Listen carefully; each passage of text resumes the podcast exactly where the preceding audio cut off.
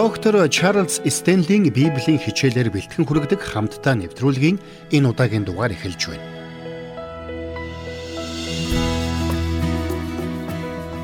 Мэргэн ухааныг яаж болохыг та мэдэх үү? Яаков 1:5-д хэлэхдээ. Харин та нарын хэн нэг нь мэрэгэн ухаанаар дутвал бүх хүнд өгөөмрөөр буруу шалгуу өгч бурхнаас гуйг. Тэгээд түүнд өгөгдөх болно гэсэн байдаг. Тэгвэл энэ бүхэн ийм амархан гэж юу? Эсвэл үүнээс илүү ямар нэгэн алхмыг бид хийх ёстой юу? Хэрвээ таны дотор ийм асуулт байгаа бол доктор Стенли тань Бурхны мэрэгэн ухааныг хэрхэн эрен хайж, хэрхэн олохын нууцыг өнөөдөр хэлж өгөх болно. Тиймээс бид бүгд Бурхны мэрэгэн ухааны дагуу алхаж бидний амьдралд хандсан Бурхны зорилгыг гүйцэлдүүлж чадна. Ингээд хамтдаа сургаалт үгс номыг нээн мэрэгэн ухааныг хэрхэн олж авах вэ гэсэн сэдвээр суралцгаая.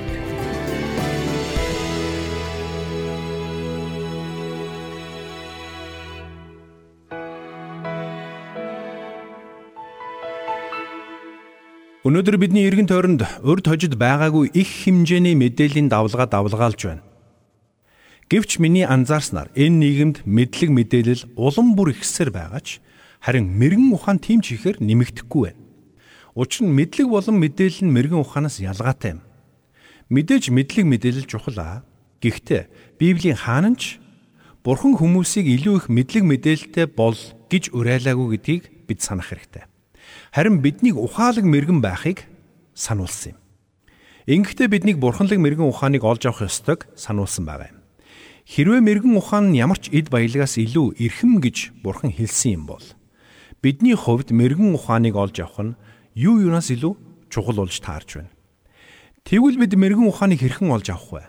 Өнөөдөр би та бүхэнтэй жинхэнэ мэрэгэн ухаан буюу бурханлаг мэрэгэн ухааныг олж авах долоон чухал алхмыг хэлж өгөх болно. Та бишиж тэмдэглээд аваарай. За ингээд хамтдаа эхний алхмыг авч үзье. Бидний хувьд жинхэнэ мэрэгэн ухааныг олж авах эхний алхам бол мэрэгэн ухааныг ирж хайх явдал юм. Хэрвээ та үнэхээр мэрэгэн ухаантай хүн болохыг хүсэж байгаа бол би яаж мэрэгэн ухаантай хүн болох вэ гэж өөрөөсөө асуух хэрэгтэй. Бас мэрэгэн ухааныг ирж хайхдаа шантрахгүй, цуцхгүй байх хэрэгтэй. Бид мэрэгэн ухааныг ирж хайж уншиж судлах хэрэгтэй. Мэрэгэн ухааныг олж авахын тулд юу хийх ёстой вэ? Тэр бүхнийг л хийх хэрэгтэй. Мэдээж бид мэрэгэн ухаантай хүн болохын тулд шаардлагатай алхмуудыг хийх ёстой болно. Гэхдээ тэр бүх алхмуудын хамгийн ихний алхам нь мэрэгэн ухааныг эрен хайх шийдвэр юм. Бид зүрхэндээ шийдвэр гаргах нь чухал. Та амьдралдаа гаргаж байсан буруу шийдвэрүүд, буруу сонголтуудаа бодоод үзээрэй. Бурхны мэрэгэн өдөрдмж хэрэгтэй болж байсан тэр нөхцөл байдлуудаа бодоод үзтээ. Бид тэр бүх нөхцөл байдлуудаа Бурхны нүдээр буюу Бурхны өнцгөөс харж ойлгож сурах хэрэгтэй. Хэрвээ тэгж чадвал бид тис өөр шийдвэрүүдийг гаргаж, тис өөр сонголтуудыг хийх болно. Учир нь мэрэгэн хүн бол аливааг Бурхны өнцгөөс харж, зөв хариу үйлдэл үзүүлж чаддаггүй юм. Тиймээс бидний хийх ёстой эхний алхам нь мэрэгэн ухааныг эрен хайх явдал байна. За цааш нь үзвэл бурханлаг мэрэгэн ухааныг олж авах хоёр дахь чухал алхам нь Бурхны үгийг тунгаан бясалгах алхам юм. Библи бол мэрэгэн ухааны ном юм.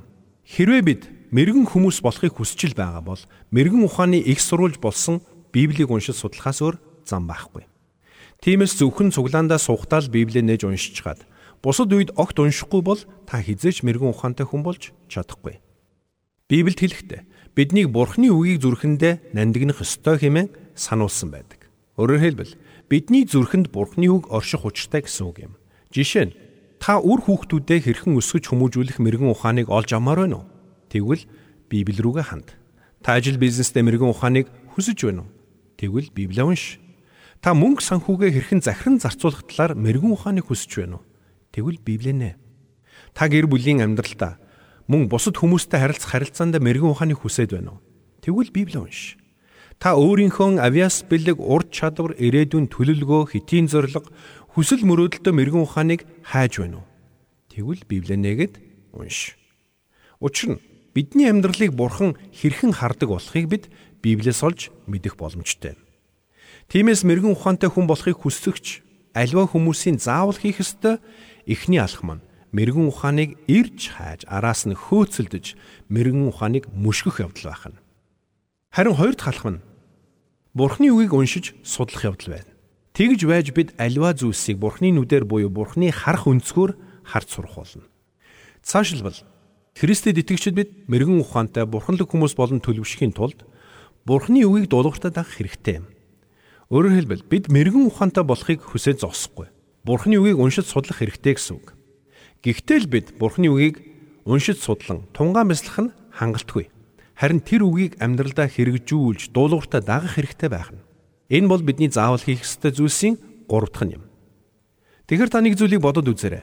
Хэрвээ бид Бурхны үгийг уншиж судалж чад тэндээс маш олон зүйлсийг ойлгож ухаарчхад түүнийг амьдралдаа огт хэрэгжүүлэхгүй байх юм бол яах вэ? Тэгвэл бид мэрэгэн хүмүүс болон өөрчлөгдөж чадах уу? Мэдээж үгүй. Учир нь Бурхан бидэнд Библиэрээ дамжуулан мэрэгэн өдөрдмж, мэрэгэн зарчмуудаа өгөхдөө зүгээр уншаад өнгөрөхийн тулд биш харин амьдралдаа хэрэгжүүлэхийн тулд өгсөн юм. Учир нь бид тэдгэрийг амьдралдаа хэрэгжүүлж байд сая. Бурхан хэрхэн ажилдаг болохыг, Бурханы зарчмууд хэрхэн үйлчилдэг болохыг ойлгож ухаардаг. Бурхан хэлсэн үгэндээ гарцаагүй хүрдэг болохыг, Бурханы амлалт гарцаагүй биелдэг болохыг бид тинхүү ойлгодог юм. Товчхондоо бол хэрвээ бид Бурханы хийгснийг хийхгүй юм бол түүгээр дамжуулан Бурхан хэрхэн ажиллахыг олж харж чадахгүй шүү дээ. Тиймээс бид бурханлаг мэрэгэн хүмүүс байхыг хүсчил байгаа бол бид Бурхны үгийг дуулууртаа дагах хэрэгтэй байна. Улмаар үйлдэл болон үр дагаврыг нь бид харьцуулан бодож өөрийн гэсэн дүгнэлтийг хийх учиртай юм. Хэрвээ би Бурхны хийгснийг хийвэл Бурхан миний амьдралд юу хийдэг юм бэ гэдгийг бид тэгж байж ойлгож ухаардаг юм. Тиймээс мэрэгэн хүн өөрийн амьдралд тохиолдсон нөхцөл байдлын талаар Библиэд юу гэж өгүүлсэн болохыг ойлгож мэдээд тэр чухал зарчмуудыг амьдралдаа хэрэгжүүлээд ямар үр дүнд хүрч байгааг ажигладаг.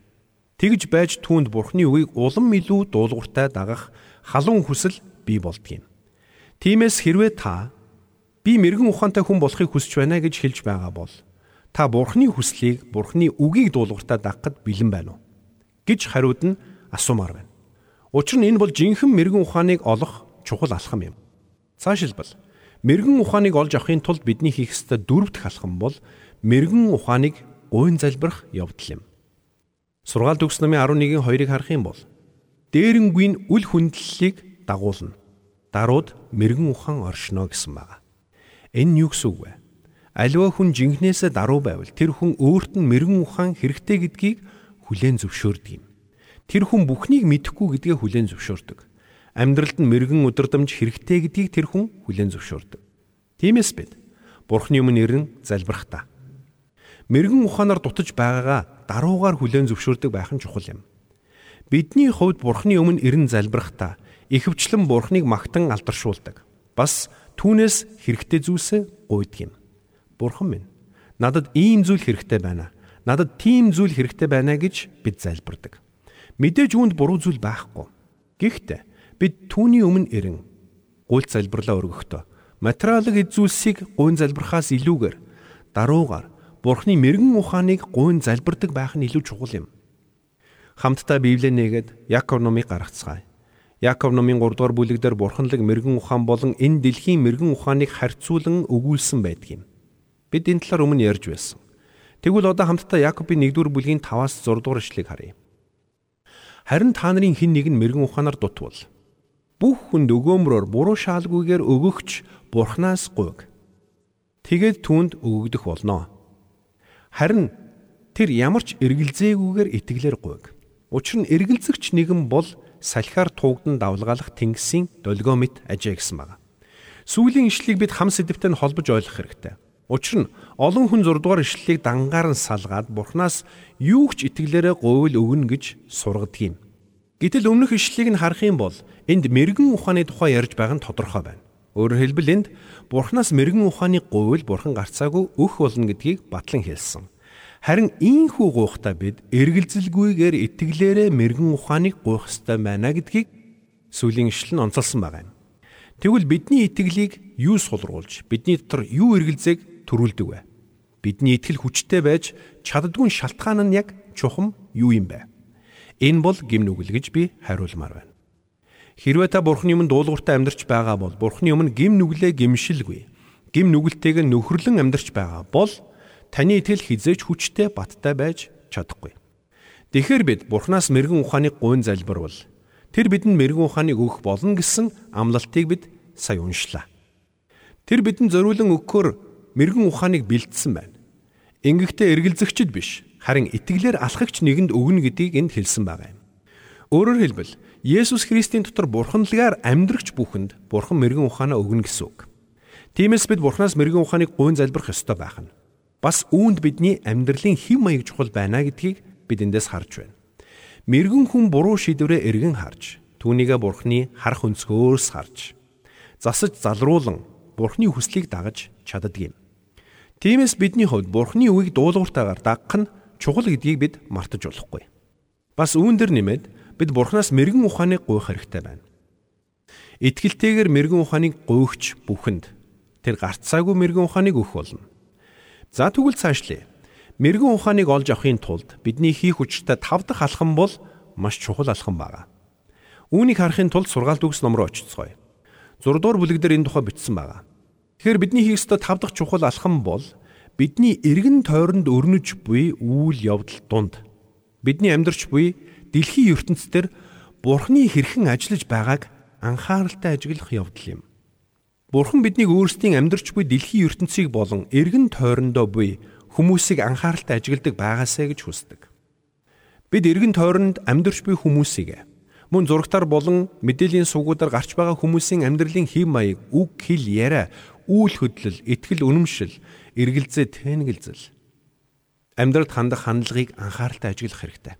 Өөрөөр хэлбэл мэрэгэн хүн бурханлаг бус хүмүүсийн амьдралд юу тохиолддог болохыг анхааралтай ажиглаж дүгнэлт хийж чаддаг байх ёстой гэсэн үг. Цаашилбал бид Есүс Христэд итгэгч итгэлээсээ ухарч үл итгэж хүм мэт амьдрч байгаа хүмүүсийн амьдралагч анхааралтай ажиглах хэрэгтэй. Аливаа хүн Бурхны үгийг уншихаа болж, Бурхнаас холдон залбирлаа зогсоож, цуглаандаа явхаа болох үед тэдний амьдралд юу тохиолддог болохыг бид ажиглан харах хэрэгтэй.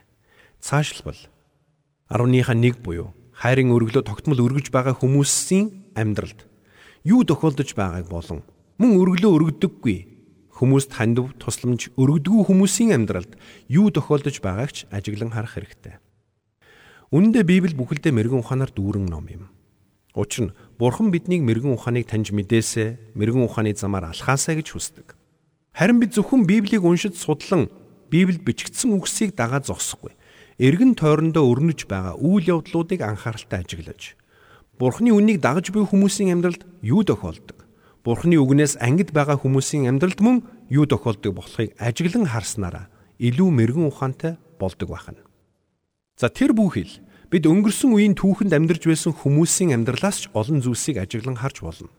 Бурхан тэр хүмүүсийн амьдралд хэрхэн ажилласныг, гим нүглээ гимшихээс татгалцсан нэгний дээр Бурхны шудраг ёс хэрхэн бууж байсныг ч ажиглан харж болно. Тиймээс та эргэн тойрноо анхааралтай ажиглаарай. Та заавал хол явах шаардлагагүй Зүгээр л таньдаг мэддэг хүмүүсээ хар. Арх, тамхи, зугаа цэнгэл давцсан хүмүүсийн амьдралыг хар. Тэдэнд юу тохиолдож байгааг хар. Бурхны өгсөн Библийн зарчмуудыг зөрчин амьдарч байгаа хүмүүст эцэстээ юу тохиолдож байгааг ч хар. Тэр цагт бүх зүйлс нүдний чинь өмнө илэрхий харагдах болно. Учир нь хүн юу тарснаа хураадаг юм. Энэ бол Бурханаас тогтоож өгсөн хөдөлшгүй зарчим. Тиймээс мэрэгэн хүн зургатаар гарч байгаа сонинд бичигдсэн аливаа зүйлсийг чихнийхээ хажуугаар өнгөрүүлдэггүй. Харин тэдгээрийг анхаарч өөрийн гисэн үнэлэлт дүгнэлтийг өгч байдаг юм. гэдгийг бид санах хэрэгтэй. За ингээд хамтдаа дараагийн алхмыг үздэцгээе. Мэргэн ухааныг олж авахын тулд бидний хийх ёстой 6 дахь алхам бол Бурханлаг мэрэгэн зөвлөгөөнд анхаарлаа хандуулах явдал юм. Бидний хувьд Бурхны өмнө очиод Бурхан минь ээ энэ нөхцөлд юу хийх ёстойг зааж өгөөч ээ гэж залбираад орхих нь хангалтгүй юм. Учир нь зарим тохиолдолд бидэнд бурханлаг зөвлөгөө хэрэгтэй байдаг. Зарим тохиолдолд бид бурхны бидэнд харуулахыг хүссэн зүйлсийг өөрсдөө олж харж чаддаггүй юм. Тиймээс бидэнд бусдын зөвлөгөө хэрэгтэй болдог. Хамтдаа сургаалт үгсээ 12-ийн 15-ыг гаргаад харъя. Энэ дээр ийхүү өгүүлсэн байна. Мунхгийн зам нүдэнд нь зөв. А мэрэгэн нэгэн зөвлөгөөг сонсох гэсэн байна. Гэхдээ бид ямар ч хамаагүй зөвлөгөө сонсох биш харин мэрэгэн зөвлөгөөг сонсох учиртайг энд өгүүлсэн байгаа юм. Өөрөөр хэлбэл мэрэгэн хүн мэрэгэн зөвлөгөөг сонсож хүлээж авдаг юм. Та дараагийн унших ишлэлд анхаарлаа хандуулаарай. Маш чухал ишлэл байна. Сургаалт төвсөө 13-ийн 10-ыг нь харъя. их зангаас мэтгэлцээ маргаан зөвлөгөөг авахстад мэрэгэн ухаан гэсэн байна. Бурхан бидний амьдралд мэрэгэн зөвлөгөөг өгөхдөө бусад хүмүүсийг ашиглах тохиолдол олон байдаг. Үүнийг бид мартаж болохгүй. Мөн сургаалт үгсийн 19-ийн 20-ыг харах юм бол зөвлөгөөг сонсож сургамжийг хүлээн авбаас хожим ирээдүйд мэрэгэн байх болно гэсэн байна. Энэ нь юу гэсэн үг вэ? Та мэрэгэн хүн байхыг хүсэж байгаа бол бусдын мэрэгэн зөвлөгөөг сонсож дагах хэрэгтэй гэсэн үг юм. Тэгж байж та хожим ирээдүйд илүү мэрэгэн хүн болж төлөвшөж чадна. Бидний хүн бүр хүнээр юу хийхээ заалах дургу байдаг. Үүнийг бүхий оронд нь ийм зүйлийг хий гэж хэлэх үед түүнийг дуртаяа хүлээж авна гэдэг амаргүй. Гэхдээ та мэрэгэн хүн болохыг хүсэж байгаа бол ухаалаг зөвлөгөөг хүлээж авахдаа бэлэн байх ёстой. Зөвхөн зөвлөгөөгч биш, бурханлаг, залруулга, зэмлэлийгч хүлээн авахдаа бэлэн байх ёстой юм. Чиний хийсэн ийм үйлдэл чинь буруу байна. Чи уучлал гуйх ёстой. Тэгэд үүнийг өөрчилж ийм зүйл хийх ёстой гэж биднийг зэмлэх үед бид тэр зэмлэлийг хүлээж авч чаддаг байх ёстой. За тэгэхээр энд би өөр нэгэн чухал зүйлийг сануулмаар байна. Бид зөвлөгөө авах тухай ярихаар ихэвчлэн мэрэгжлийн зөвлөгч сэтгэл зүйчдийн тухай боддог. Тэгвэл би танд эхлээд Бурхны үгийг даган амьдрч буй бурханлаг хүнд хандахыг зөвлөмөр байна. Библийн үгийн дагуу, Библийн зарчмын дагуу амьдарч байгаа хүнийг олоод тэр хүнээс зөвлөгөө ав. Учир нь Бурхныг мэдэхгүй, Бурхныг үл тоодог хүний зөвлөгөө, Бурхны хүслийн дагуу таныг хөтлөх магадлал маш бага байх болно. Тиймээс та Бурханлаг зөвлөгөөг эрэлхийл. Бурханлаг зөвлөгөө сахилгажуулалт, зэмлэл, залруулгыг хүлээж авахдаа нээлттэй бай. Бурхны мэрэгэн ухаан таны бардам зангаас илүү чухал гэдгийг санаарай. Бид бусдаас тусламж хүсэж Энэ зүйл дээр надад таны тусалцаа хэрэгтэй байна. Химэн зохих хүмүүсээс тусалцаа гуйхаасаа ичэх ёсгүй. Хэрвээ та мэрэгэн хүн болохыг хүсэж байгаа бол бурханлаг зөвлөгөөг эрэлхийлэх ёстой. Эцэст нь мэрэгэн ухааныг олж авахын тулд бидний хийх ёстой долоо дахь чухал алхам бол ухаалаг мэрэгэн хүмүүстэй нөхөрлөх явдал юм. Библиэд энэ талаар маш тодорхой өгүүлсэн байдаг юм. Та мэрэгэн ухаантай хүн байхыг хүсэж байгаа бол мэрэгэн ухаантай хүмүүстэй нөхрөл. Сургаалт үгсийн 13-ын 20-ыг харах юм бол юу гэж бичигдсэн байдгийг хамтдаа уншицгаая. Мэргэнийг дагвал мэргэн, мулгуутай нөхөрлөвл хорлол гэсэн байна. Та мэрэгэн нэгэн байхыг хүсэж байна уу? Тэгвэл явж бурханлаг мөн мэрэгэн хүмүүстэй нөхөрл. Энд та нэг зүйлийг бодоод үзээрэй. Ямар хүмүүс танд хамгийн ихээр нөлөөлж байна вэ? Таны нөхөр үү, эхнэр үү, найз нөхөд ч нь үү? Таны хөрөнгө санхүү гэр бүл найз нөхөдтэй хандах хандлага чинь ямар хүн хамгийн ихээр нөлөө үзүүлж байна вэ? Үр хөвгтөө өсгөхөд, ажил хөдөлмөр эрхлэхэд чинь ямар хүний нөлөө хамгийн ихээр нөлөөлсөн байна вэ? Товчхондоо хэн танд хамгийн ихээр нөлөө үзүүлж байна вэ гэсэн үг. Бид бүгд бусдаас нөлөө авч байдаг юм. Тэгвэл хэн танд хамгийн ихээр нөлөөлж байна вэ? Хэрв та тэр хүнээ бодож олсон бол би дахиад асууя. Тэр хүн чинь мэрэгэн хүмүүн үү? Мөн тэр хүн чинь бурханлаг хүмүүн үү? Та бодоод үзээрэй. Таны амьдралд нөлөөлж байгаа тэр хүн мэрэгэн үү? Эсвэл мунхаг үү гэдгийг нь та төвөггүй мэднэ. Мөн тэр бурханлаг үү? Эсвэл эс бурханлаг үү гэдгийг ч та төвөггүй мэднэ. Өөрөөр хэлбэл та мэрэгэн хүмүүстэй нөхөрлөж байна уу? Мунхаг хүмүүстэй нөхөрлөж байна уу? Тань нөлөөлж байгаа хүмүүс таныг бурхан руу ойртуулж байна уу? Эсвэл бурханаас холдуулж байна уу? Таныг Бурхны үг рүү илүү түлхэж байна уу эсвэл Бурхны үгнээс таныг холдуулан түлхэж байна уу гэдгийг бодож үзээрэй. Мөн таныг Бурхны хүслийг эрен хаахад хүргэж байна уу? Итгэлээр өсөж, итгэлээ бусдад хуваалцахад хүргэж байна уу? Та нухацтай бодоод шударгаар хариулаарай. Магадгүй та тийм ээ гэж хариулж байж болно. Сайн байна. Эсвэл тэд намайг үргэлж шүүмжилдэг. Намайг Бурханаас болон бусдад итгэх итгэлээс минь улам бүр холдуулдаг гэж та хариулж байж болох юм. Та шударгаар хариулаарай. Учир нь энэ бол маш чухал асуулт юм шүү. Эцэст нь би танд нэг зүйлийг хэлье. Хэрвээ та хараахан Есүс Христийг аврагчаа болгон хүлээж аваагүй байгаа бол би танаас асууя. Танд нөлөөлж байгаа хүн чинь таныг Есүс Христ рүү хөтлөн дагуулж байна уу? Танд Есүс Христийн тухай ярьж өгч байна уу? Яагаад би ингэж асууж байна вэ гэхээр бид бүгд бусдаас нөлөө авч байдагчлан бид өөрсдөө ч бусдад нөлөөлж байдаг гэдгээ бид мартаж болохгүй юм. Тиймээс та зөрүүлээд өөрөөсөө би бусдад бурханлаг нөлөөг үзүүлж чадаж байна уу гэж асуугаарай. Бурхныг дуулууртаа дагаж, Бурхны зарчмуудыг дагаж, Бурхны үг уншиж судлахад бусдыг урамшуулн түлхэц өгч та чадаж байна уу? Есүс Христ рүү бусдыг ойртуулан эерэг нөлөөг та үзүүлэн чадаж байна уу? Юу гэвэл мэрэгэн хүн мэрэгэн хүмүүстэй нөхөрлөдөг. Бурханлаг бус хүн бурханлаг мэрэгэн хүмүүсийн хажууд тавгүйцдэг. Харин Христэд итгэгч бидний хувьд бид Бурхны өмнө зөв ариун амьдралаар амьдрахыг эрмэлзэх учиртай. Бид бүгд мэрэгэн хүмүүс байхыг эрмэлзэх учиртай юм. Тэгж байж бид эргэн тойрондоо бүх хүмүүст бурханлаг нөлөөг үзүүлж чадна.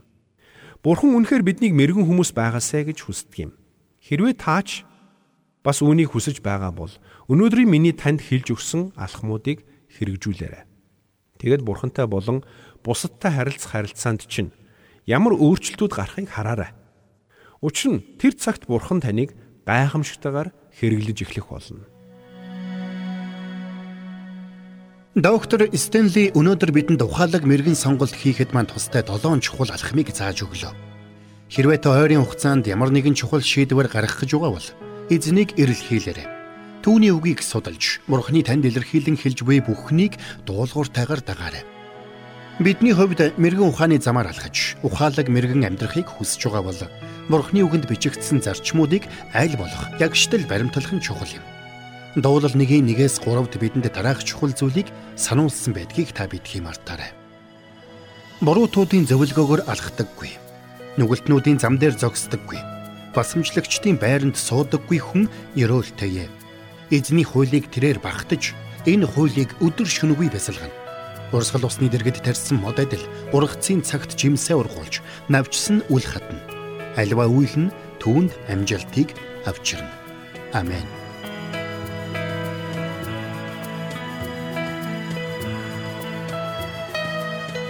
Бурханд тэмүүлсэн сэтгэл хүмүүсийг энэрх зөрхөөр амьдрахад туслах номлогч доктор Чарлз Стенлигийн хамттай нэвтрүүлэг сонсогч танд хүрлээ. Нэвтрүүлгийг дахин сонсохыг хүсвэл ихтгэл радиоцик.com-оор зочлоорой. Бидэнтэй холбогдохыг хүсвэл 8085 99 тэгтэг дугаард хандаарай.